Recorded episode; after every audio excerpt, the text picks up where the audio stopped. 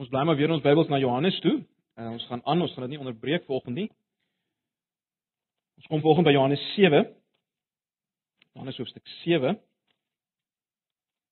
Ek wil tog maar net weer vra as ons uh, besig is met die boodskap dat jy die Bybel sal oophou, jy moet my volg. Ehm um, dis julle gedagte laat ons kyk wat is in die teks self. Uh, ons moet dit uitbring. So ek vra tog dat jy maar net die Bybel sal oophou. Johannes 7, ons gaan lees vanaf vers 1 tot 24. Kom ons uh, ons raak net vir 'n oomblik weer stil en vra die Here met ons op praat deur sy woord en deur die werking van sy gees. Ja, Here, soos ons nou gesing het, wil ons vir U sê dat ons harte is honger na U, na U self. Daarom wil ons vra dat U self in ons midde sal wees vanoggend. Here, ons het verlede week gehoor dat dis die Gees wat lewend maak en Ons as mense kan niks daarbey voeg nie. En daarom vra ons wat U ook ver oggend deur die Gees teenwoordig sal wees, dat U U woord sal gebruik om te oortuig. Volgens spesifiek te oortuig van ongeloof as daar ongeloof in van ons is. En ag Here dat U ons sal uitdryf na U self, soos ons ver oggend dit weer sigbaar gaan sien in die nagmaal tekens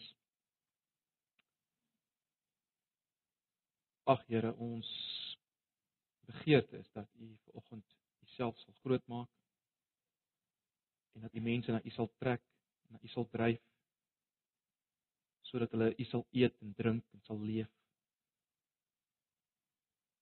U moet dit doen. Ons bly dit van U in Jesus se naam. Amen. Goed Johannes 7. Kom ons lees vanaf vers 1 tot 24. Ek lees die 83 vertaling.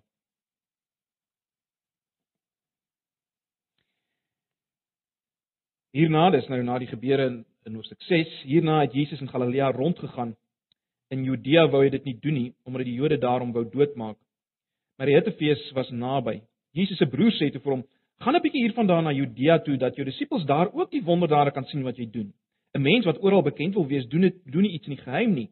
Aangesien jy nou uh, aangesien jy dan hierdie dinge doen, maak jy openbaar aan uh, maak jou openlik aan die wêreld bekend. Selfs sy broers het nie in hom geglo nie. Jesus sê toe vir hulle: "Vir my het die tyd nog nie gekom nie, maar vir julle is is is enige tyd reg. Die wêreld kan vir julle nie haat nie, maar hy haat my omdat ek openlik verklaar dat sy dade sleg is. Gaan julle maar fees toe. Ek gaan nie na hierdie fees toe nie, omdat die tyd vir my nog nie reg is nie. Dit het hy vir hulle gesê en hy het daar in Galilea gebly. Nadat Jesus se broers na die Hittefees te vertrek het, het hy self tog ook gegaan, nie openlik nie, maar onopvallend. Van in die geheim. Vers 11: Die Jode het toe by die fees na hom gesoek en gevra: "Waar is hy?" Onder die feesmenigte is daar baie oor hom gefluister. Party mense het gesê hy's 'n goeie man, maar ander het gesê nee, hy mislei die mense. Tog het niemand openlik oor hom gepraat nie omdat hulle bang was vir die Jode. Toe die feestyd al halfpad verby was, het Jesus na die tempel toe gegaan en die mense daar geleer. Die Jode was verbaas en het gesê: "Waar kom hy aan aan aan die geleerdheid? Hy het dan geen opleiding gehad nie." Jesus het vir hulle gesê: "Wat ek die mense leer, kom nie van myself af nie, maar van hom wat my gestuur het. As iemand gewillig is om die wil van God te doen, sal hy weet of hierdie leer van God afkom en of ek uit my eie praat. Wie uit sy eie praat, soek sy eie eer." Maar hy wat die eer soek van die een wat hom gestuur het, is geloofwaardig en daar is niks oneerliks in hom nie. Het Moses nie die wet vir julle gegee nie en tog hou nie een van julle die wet nie. Waarom wil julle my dan doodmaak? Jy's van die duiwel besete, het die mense uitgeroep. Wie wil jou doodmaak? Jesus het toe verder vir hulle gesê: "Julle is almal ontstel oor een ding wat ek gedoen het, omdat Moses die besnydenis vir julle gegee het. Uh en eintlik kom dit nie eens van Moses af nie, maar van die aardsvaders. Besny julle ook op 'n Sabbatdag.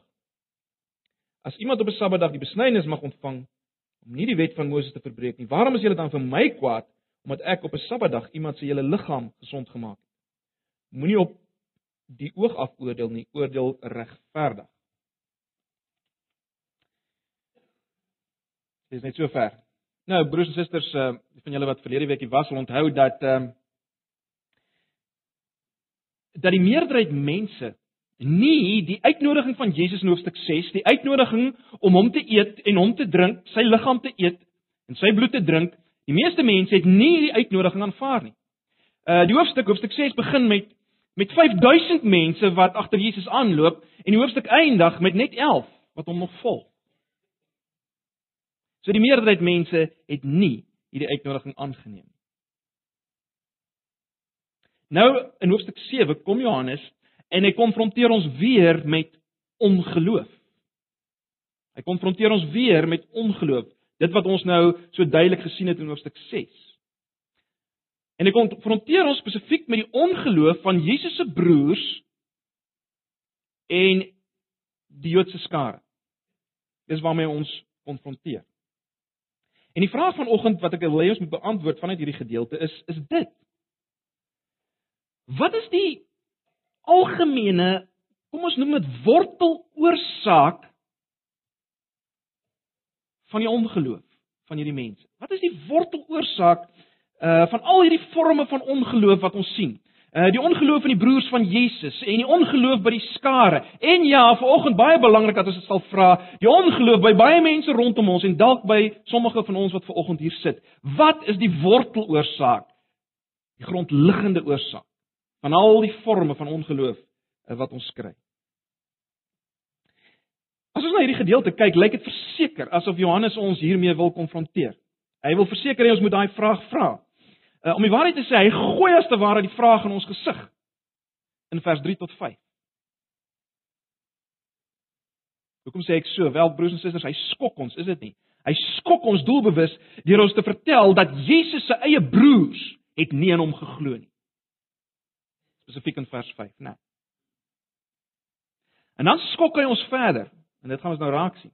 So hy skok ons eers deur vir ons te sê sy broers het nie in hom geglo nie. En dan skok hy ons verder deur vir ons te wys hoe lyk hierdie ongeloof. En dis wat die verrassende is. Hoe lyk hierdie ongeloof van sy broers?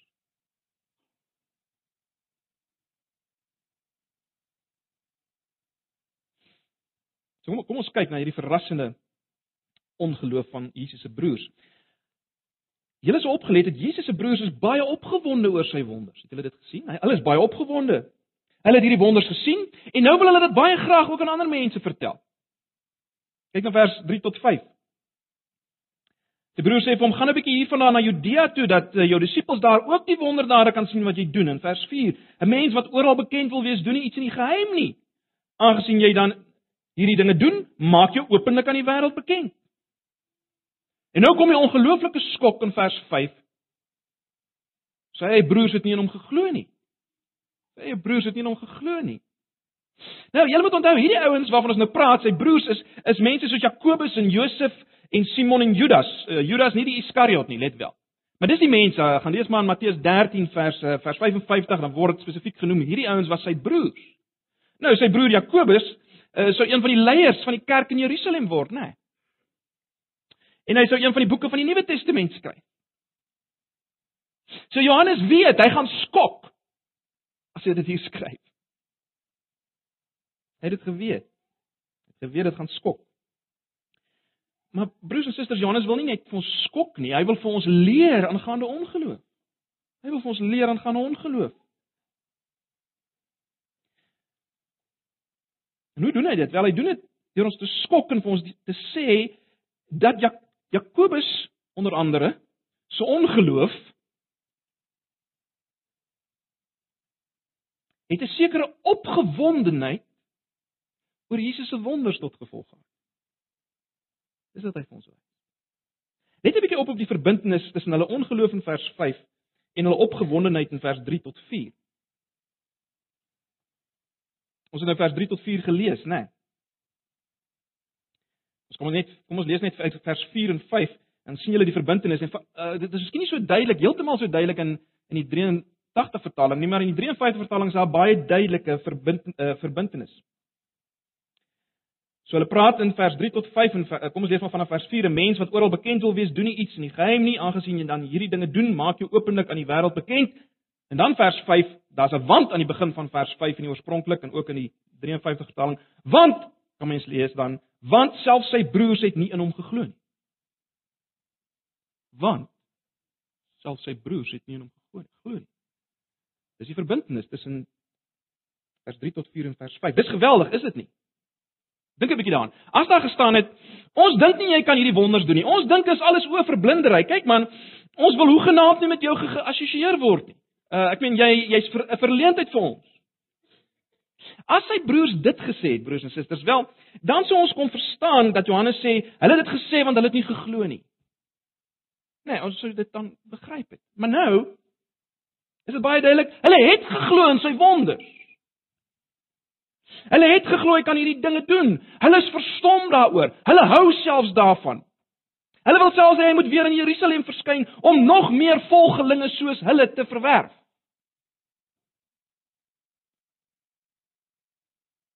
En nou kom Johannes en hy sê dit was alles uit ongeloof. Dit was hulle nie geglo nie. Hulle het nie geglo in Jesus nie. Hulle het nie geglo in Jesus.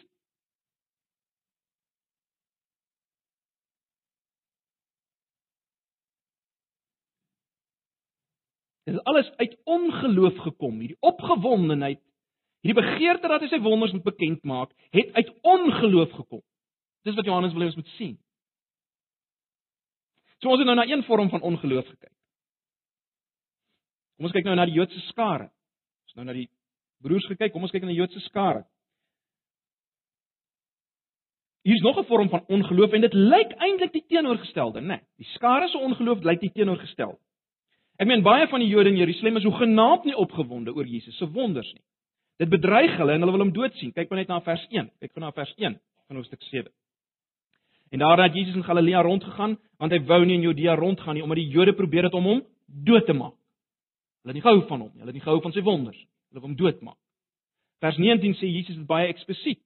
Het Moses julle nie die wet gegee nie en niemand van julle hou die wet nie? Waarom wil julle my om die lewe bring? En as Jesus dit vir hulle sê, dan reageer hulle en hy sê uh, hulle sê uh, jy's van die duiwel besete in vers 20. Wie wil jou doodmaak? Dis hulle reaksie.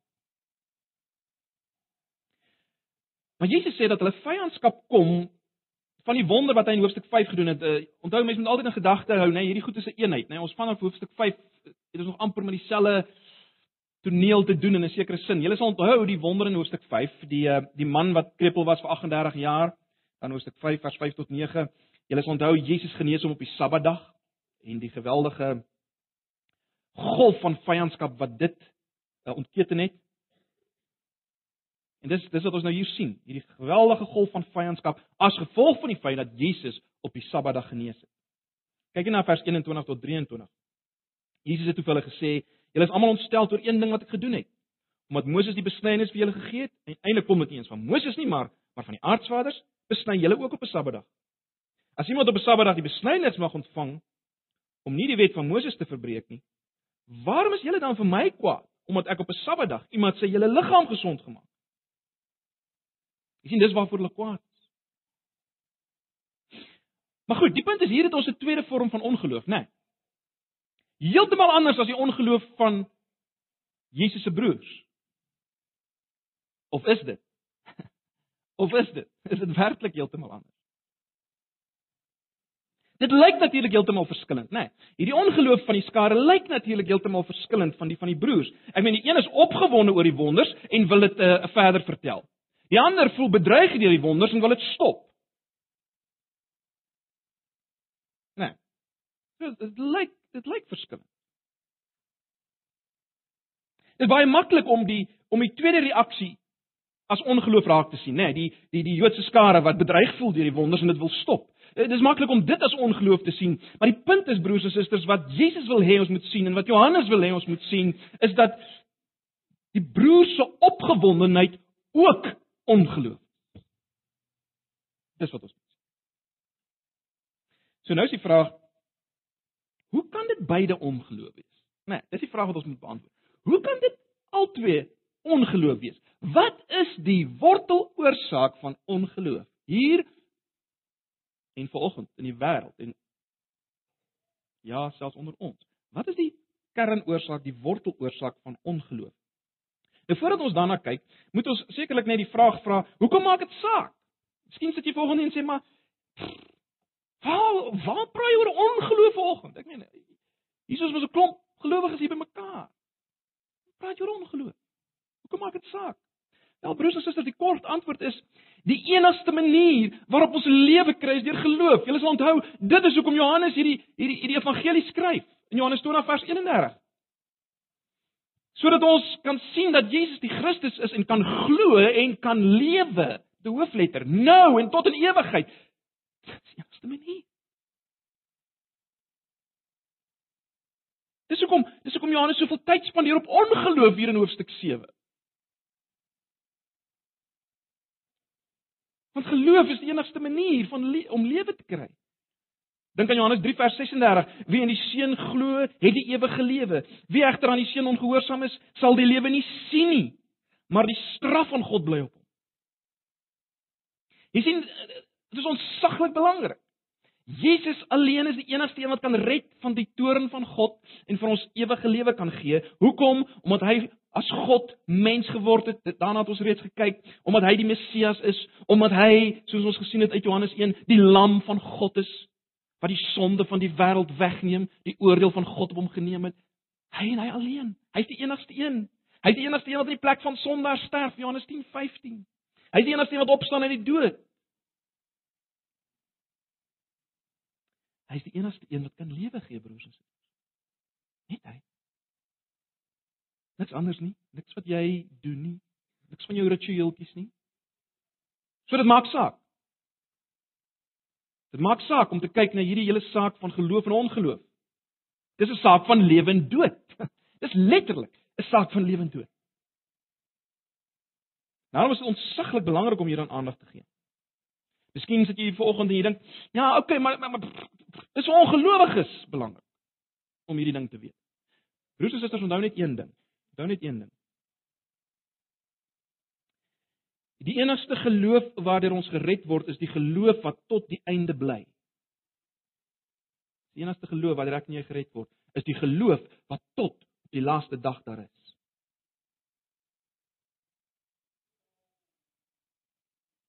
Jy sien egte geloof is nie geloof wat net eenmal daar was 20 jaar gelede by 'n CSV kamp. Egte geloof is 'n geloof wat nou Jesus eet en drink daaroor het ons uh, verlede Sondag gepraat. Wat nou daar is en wat op die einde daarom sal wees. En daarom is hierdie preek vir jou en vir my. Hierdie preek is vir my en jou. Veral ook omdat geloof kom deur die gehoor en die gehoor is deur die woord van God, nê. Nee. En ons het weer en weer nodig om ons geloof te versterk, om ons geloof te onderhou sodat geloof sal bly tot die einde toe. En daarom is dit uiters belangrik om te kyk. Nou wat is die worteloorsaak van ongeloof in hierdie gedeelte? So kom ons kom terug na die vraag. Ons weet nou dis belangrik om dit te weet. Wat is die worteloorsaak? Ek wil vier dinge hier uitlig. Ehm um, uit hierdie gedeelte waardeur die aard van ongeloof duidelik word. En en kom ons gebruik dit om onsself te ondersoek, broers en susters. Gebruik dit om jouself te ondersoek. Die dinge wat hier na vore kom. So kom ons kyk na 'n paar aanduidings of 'n paar dinge wat vir ons 'n aanduiding gee van wat is die worteloorsaak van ongeloof. En die eerste ding wat ek wil uitlig is dit. Dit word gesien in die feit dat Jesus na die fees toe gaan maar nie soos sy broers wil hê hy moet gaan. Die eerste ding waaruit ons hierdie worteloorsaak van ongeloof sien. Jesus gaan na die fees toe, maar nie soos sy broers wou gehad het hy moet gaan. Sy broers wil hê hy moet na Jerusalem gaan en sy wonders aan die wêreld wys, maar hy weier. Maar dan sien ons hy gaan wel. Maar let op, het julle gesien Johannes wys vir ons dat hy gaan doen presies die teenoorgestelde as wat sy broers wil. Hy gaan nie publiek nie, Maar hy gaan nie in die privaat. Nee, hy gaan nie publiek nie, maar hy gaan privaat. Dis wat ons in vers 3 tot 10 sien. Hy gaan nie publiek nie, maar hy gaan privaat. Sien jy, kom ek kyk maar net na vers 10.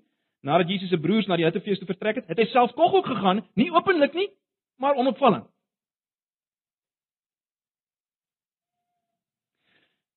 So wat Jesus bedoel as hy in die vorige verse gesê het, wel ek gaan nie na die fees toe nie. Wat het hy bedoel? Ek gaan nie op die manier wat julle wil hê ek moet gaan nie. Dis wat hy sê. Ek soek nie menslike goedkeuring op die manier waarop julle wil hê ek moet dit soek nie. Julle gaan agter die mense se lof aan. En hierdie begeerte van julle is uiters gevaarlik. Dis foutief. Ek gaan na Jerusalem om te sterf. Maar dis nie wat julle wil dis nie wat julle bewonder nie. Julle bewonder nie dit nie. Dis nie wat julle glo nie. Dis nie wat julle in my soek nie. Hier kry ons die eerste aanduiding van wat die wortel is van die ongeloof, né? Maar kom ons gaan verder.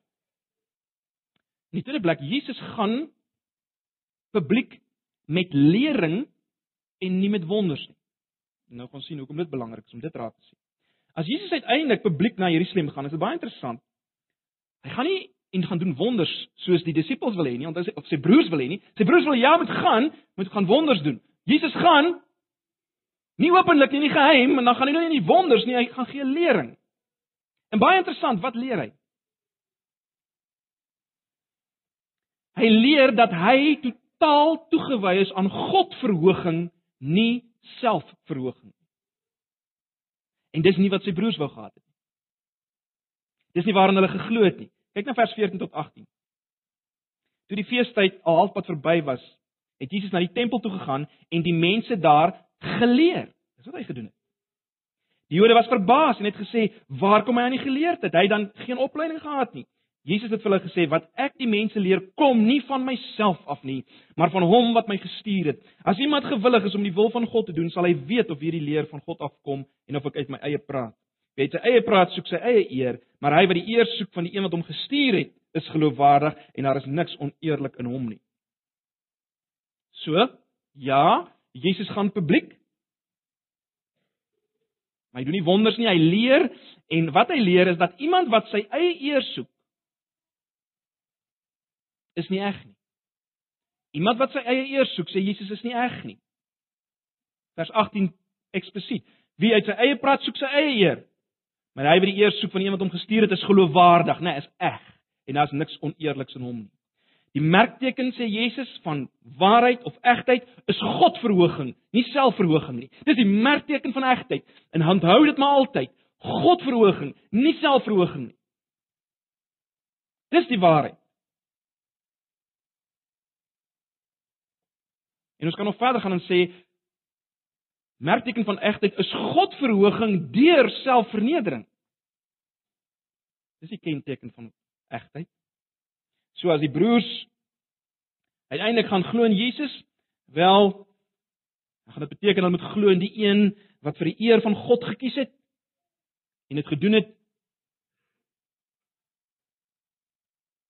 deur middel van die vernedering deur mense as mens dit so kan stel. Dan moet hulle een kies wat die opneem van die kruis verkondig, né? Nee, en oproep tot die opneem van die kruis. In Johannes 12 vers 27 tot 28. Die nag voor Jesus gesterf het, sê hy die volgende: Nou is ek diep ontstel en wat moet ek sê? Moet ek sê Vader, red my uit hierdie uur? Maar jy's hiervoor het ek gekom vir hierdie uur, vers 28. Vader, verheerlik U naam. Toe daar 'n stem uit die hemel gekom, ek het my naam verheerlik, ek sal dit weer verheerlik.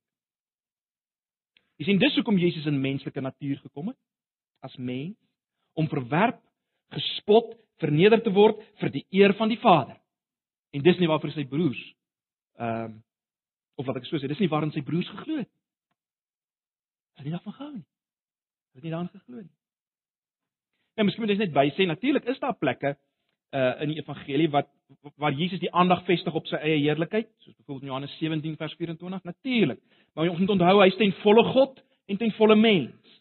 Hy moet vir ons wys hoe ons moet leef tot eer van God as mens, maar hy moet ook God wees.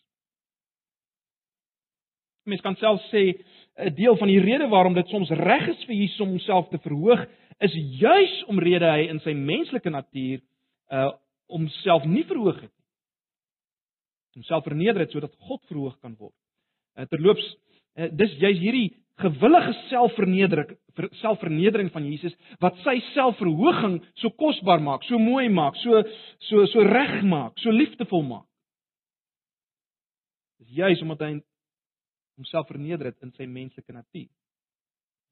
Maar goed, die punt is sy broers wou nie deel in hierdie selfvernedering nie. Hulle het nie daarin geglo nie. Hulle het nie daarin geglo nie. 'n Derde aanduiding van die worteloorsaak van ongeloof. is dit. Die wêreld verwerp Jesus, maar die wêreld verwerp nie sy broers nie. Vers 7 tot 8. Hier kry ons 'n derde aanduiding van die aard van ongeloof. Vers 7 tot 8. Die wêreld kan vir julle nie haat nie, maar hy haat my omdat ek openlik verklaar dat sy dade sleg is.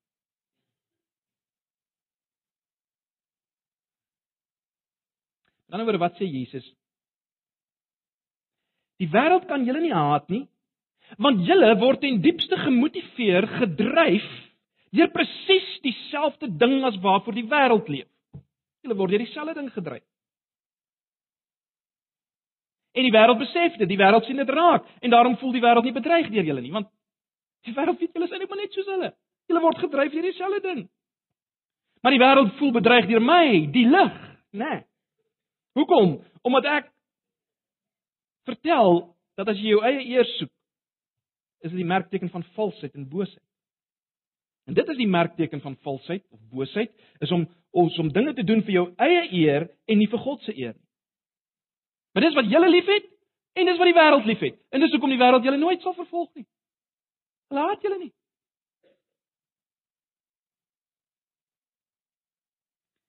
Broers en susters, wat Jesus in diepste hier sê is dit. In hierdie hele gedeelte. Julle is my broers. Julle is my broers. En julle wil hê ek moet meer beroemd word. Want jy sien, julle wil die broers wees van iemand wat populêr is en beroemd is en magtig is. Hoekom? Sodat julle kan deel in daai populariteit en mag. Dis hoekom julle wil hê ek moet populêr en magtig wees sodat julle daaraan kan deel. Dan kry julle ook mos 'n bietjie van die eer.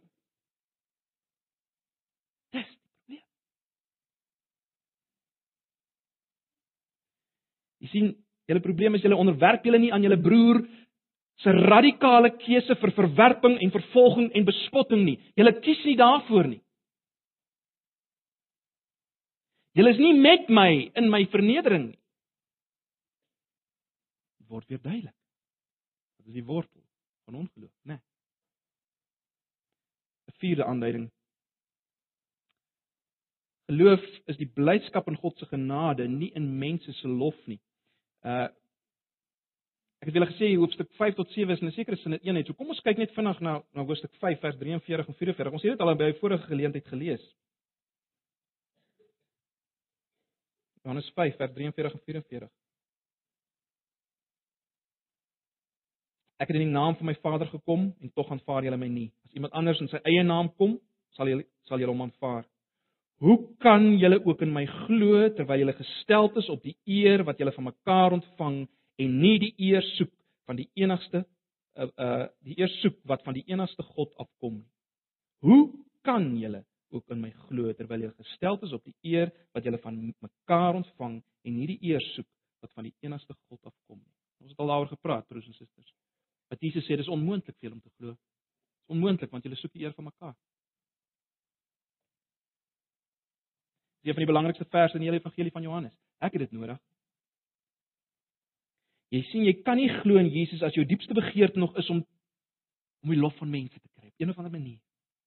Om deur mense bewonder te, te word nie. Jy sien, hoogmoed, hoogmoed is in sy kern die begeerte vir menslike goedkeuring. Is dit nie so nie? En Jesus maak dit baie duidelik as hoogmoed die wortel is, dan kan geloof nie ook die wortel wees.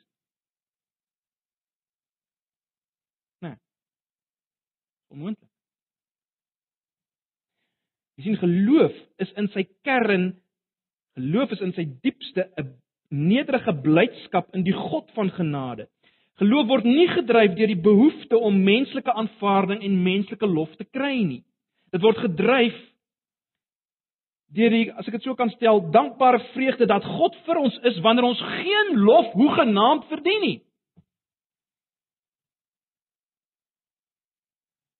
As jy sy heerlikheid aanskou vol genade en waarheid en jy ontvang genade op genade sonder dat jy dit verdien. Dis geloof. En dis wat die broers van Jesus nie gehad het nie. Jy sien hulle was nog nie weergebore nie. Die wortel van hulle vreugde was die lof van mense. Die wortel van hulle vreugde was die lof van mense. Nie die genade van God nie. En broers en susters, dis wat Johannes bedoel in vers 5 as hy sê dat Jesus se broers nie in hom geglo het nie. Dis wat hy bedoel. Want die lof van mense gesoek. Jy kan nie glo die lof van mense. Dit is waaroor dit vir jou gaan. En dit bring ons baie kortliks by die by die ongeloof van die Joodse skare. Is die wortel van hulle ongeloof dieselfde? Dit lyk so. Hoekom sê ons so? Want want beide beide het selfverhoging, né? Nee, het selfverhoging as grond vir hulle vreugde. Beide van hulle het selfverhoging as die grond van hulle vreugde. Dis wat vir hulle satisfaksie gegee het, selfverhoging. Die broers van Jesus jaag hierdie selfverhoging vir satisfaksie na deur die wonders wat Jesus verrig het as hulle broer. Né? Nee, dis hoe hulle selfverhoging najag, die vreugde, hulle vreugde najag as hulle broer kan wonders doen. Dis hulle nagejaag. Die skare roem in hulle nakoming van die wet. En in beide gevalle broers en susters is die wortel van hulle vreugde die lofwaardige self. Is die kern van hulle betekenis, as ek dit so kan stel. Is is is is dieself, die lofwaardige self. Nie die genade van God nie. Nee, die lofwaardige self. Beide gevalle. Kyk net weer na die einde van vers 23. Jesus sê daar Hy praat met die skare. Waarom is julle dan vir my kwaad omdat ek op 'n Sabbatdag iemand se hele liggaam gesond gemaak het? Jy sien hulle is kwaad. Hulle is definitief kwaad. Genoeg om hom dood te maak. Hoekom? Wel in vers 19 gee Jesus die antwoord. Het Moses nie die wet vir julle gegee nie en tog hou nie een van julle die wet nie. Waarom wil julle my dan doodmaak? Broers en susters, ons sien hierdie ineenstorting van hulle wetsonderhouding. Jy sien hulle daarop aanspraak gemaak dat hulle die wet geken het en Jesus kom en hy ehm uh, hy genees iemand op 'n op 'n Sabbatdag en hulle kla hom aan omdat hy iemand op 'n Sabbat genees het. Jy, jy sien hulle voel net al beter oor hulle self want want hulle hou die wet en Jesus nie en hulle verhoog hulle self 'n bietjie. En nou kom Jesus en hy sê niemand van julle hou die wet nie. Niemand van julle hou die wet. Kom ek stel dit so. Jesus se lewe en sy optrede, alles wat hy doen, Jesus se lewe en sy woorde bevraagteken hulle hele verstaan van wetsonderhouding. Hy kom en hy wat hy is en wat hy sê bevraagteken hulle hulle hele bestaan van wetsonderhouding. Uh al die betekenis wat hulle aan die lewe gegee het. In terme van wetsonderhouding verkrummel. En dit is die grond waarop hulle lof gesoek het. Die wetsonderhouding. Ek kan al die dinge noem wat hulle doen. Nakom. Jesus kom vir dit weg. Verkrummel vir die gewig van sy genade en waarheid wat gekom het bo die wet van Moses. So, wat sê ons vir mekaar? Broers en susters, die wortel van hulle ongeloof is dieselfde as Jesus se broers se ongeloof. Vir die broers kon die wonders van Jesus hulle self 'n bietjie beter laat lyk, né? Nee. Die wonders van Jesus kon 'n bietjie vir hulle lof bring. Vir die skare weer is die wonders van Jesus 'n bedreiging vir die lof van vir die lof wat hulle van mense kan kry vir hulle wetsonderhouding want hy doen dit dan onder andere op die Sabbat. So Jesus se wonders is weer 'n bedreiging vir die lof wat hulle kan kry vir mense. Oor albei staan geskrywe: "Hoe kan julle glo hulle nog die eer van mense soek. Dit kan staan geskryf vir albei broers en susters. Kom maak dit die laaste paar opmerkings. Ons moenie verbaas wees. Ons moenie verbaas wees oor die ongeloof wat ons hier vind nie, broers en susters. Is dit nie wat ons van die begin af gesien het in Johannes 1 nie? Dat Jesus as lig in die duisternis ingekom het? En dit die duisternis een vertaling van daardie vers hom nie kan verstaan nie, nie kan aanneem nie, nie kan verstaan nie. Het ons nie gesien hy hy het na sy eie gekom, sien ons in Johannes 1 vers 11 en sy eie het hom nie aangeneem nie. Het ons dit nie gesien daar nie? Kom ek stel dit bietjie anders. Broers en susters, ons is naïef om te dink dat die goeie nuus van die evangelie 'n warm ontvangs sal kry in die wêreld. Ons is naïef as ons so dink. Ons dink baie keer so, is dit nie? Ons dink, kyk, as mense net as hulle net die waarheid kan reg hoor, as hulle dit net reg verkondig kan hoor, as jy net dit goed kan verduidelik, of as iemand as iemand in die wêreld net 'n ware Christen kan sien leef, dan sal hulle glo. Wonder is ja, dit gebeur. Maar is naïef om te dink dat die wêreld hardloop om die boodskap aan te neem. Al hoor hulle dit reg verkondig, al sien hulle mense wat radikaal leef, dis naïef om so te dink. Dis nie 'n ooreenstemming wat ons sien nie. Broers en susters, die wêreld is in rebellie teen God. Die wêreld is in rebellie teen God. Daar's nie 'n ywerige afwagting om met die teenwoordigheid van God gevul te word nie. Glad nie. Kom ek stel dit anders. As die evangelie in die wêreld gepreek word, staan Jesus altyd in die beskuldigingsbank, soos hy hier in Hoofstuk 7 staan. Op verhoor. Is baie is baie interessant as mens hierdie gedeelte gaan lees. Miskien by 'n ander geleentheid dit meer uitlig, maar Jy sal sien al die gestryery en gevra oor wie hy is. Hy's nie beskuldigingbank. Hy's onder verhoor. Hy's onder die vergrootglas. Kyk net al die vrae en opmerkings. Maar nou, broers en susters, die skokkende is dat Jesus ook in die beskuldigingsbank is dikwels binne die kerk, is dit nie? Die godsdienstige leiers hier het nie van Jesus gehou nie, want uh hy het hulle gemaksone uitgedaag. Hy het hulle egos aangetas. Broers en susters, vandag nog die die ware evangelie, die waarheid van Jesus, die die pad wat Jesus tot oproep, daag ons gemaksones uit. En ons tas ons egos aan binne in die kerk. Daarom is daar baie wat in die kerk wat nie glo nie. Hulle glo nie want want hierdie hele ding kan nie vir hulle self eer bring nie. En omdat dit nie vir hulle self eer kan bring nie, glo hulle nie in Jesus nie. Hulle hulle glo in wat hy kan doen en in die wonderlike dinge. Hulle glo selfs in goeie prediking en hulle glo in 'n goeie kerk. Uh, al die dinge. Hulle glo nie in Jesus. Glo nie. Soek hulle eie lof. So broers en susters, mag wees dat ons in dieselfde bootjie is. Baie van die mense hier. En ons sê. So waarvoor moet ons bid? Waarvoor moet ons bid vir onsself en waarvoor moet ons bid vir ons geliefdes? Wel ons moet bid uh dat wanneer ons Johannes lees en as ons daarna luister dat ons waarlik uit ons harte kan sê dat wat ons sien in Johannes 1 vers 14 en 16. Ons het sy heerlikheid aanskou. Ons het sy sy heerlikheid aanskou. Heerlikheid van die enigste seun van die Vader, vol genade en waarheid. In vers 16, ons het ontvang genade op genade. Dis wat jy uit jou hart uit moet Hoekom?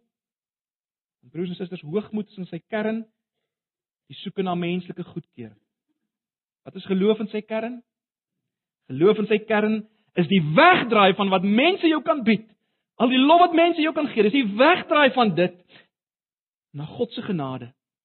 Die bly wees in God se genade.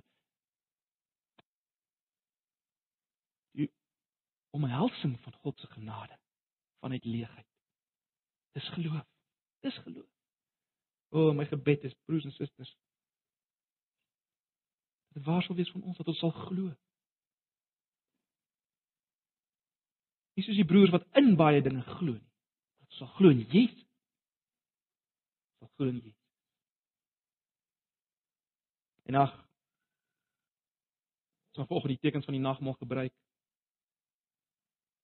Dalk wil jy vir die oggend vir die eerste keer kom na Jesus en hom kom eet en hom kom drink vir wie hy is en 'n een word met hom in die pad van die kruis in navolging. Gebed is dat die Here dit sal doen volgende. Mense sal aanraak, mense sal dryf na hom. Kom ons sluit dit af met gebed. Baie dankie Here vir u woord.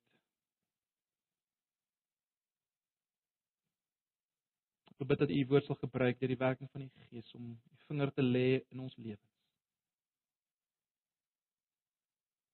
Help ons elkeen om baie baie eerlik te wees met onsself.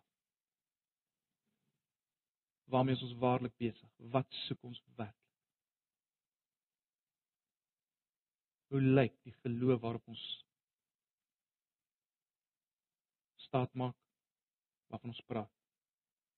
Here asseblief moet ons nie los nie wys ons sodat ons kan glo, kan lewe. Asseblief. Vra dit in Jesus se naam. Amen. Dit is dan nog 'n lied wat ons gaan sing. Daar's net drie. Nog 'n lied sing en dan gaan ek vir Kenneth vra om vir ons die nagmaal te bedien.